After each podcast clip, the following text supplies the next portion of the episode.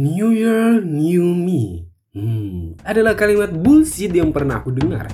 Apaan New Year, New Me? Entah kenapa aku benci dengan kalimat itu. Itu adalah kalimat omong kosong yang membuat semangat hanya sehari doang. Besok-besoknya kalian pasti ngelakuin kebiasaan buruk yang mau kalian ubah dari diri kalian. Kalian tetap bangun kesiangan, aku juga begitu. Mager kalau udah lengket di tempat tidur, main sosmed nggak ingat waktu sampai makanya marah-marah karena di kamar terus. Terus bikin status tuh di sosmed kayak gini. New Year, New Me.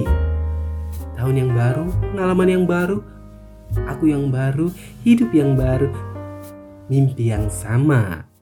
Mimpi yang sama, mimpi yang sama, tapi setelah itu besok-besoknya ngelakuin hal buruk yang sama lagi di tahun yang tahun yang sebelumnya.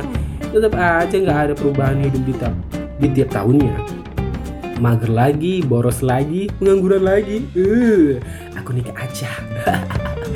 Kalau mau berubah mah berubah aja. Kenapa harus nunggu tahun baru mau berubahnya?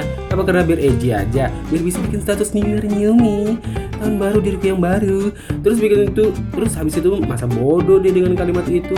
Gak usah nunggu momen deh kalau mau berubah apalagi bagi pengangguran yang setnya gede karena merasa hidupnya kayak dikejar-kejar waktu mulu. Nggak ada tuh yang namanya new year new me. Yang ada tuh new year same old me same old me old me